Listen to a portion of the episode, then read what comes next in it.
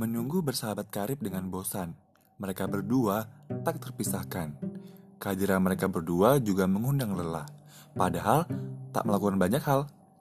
Mereka seperti paket panas satu, komplit, membuat pikiranku melayang-layang entah ke mana.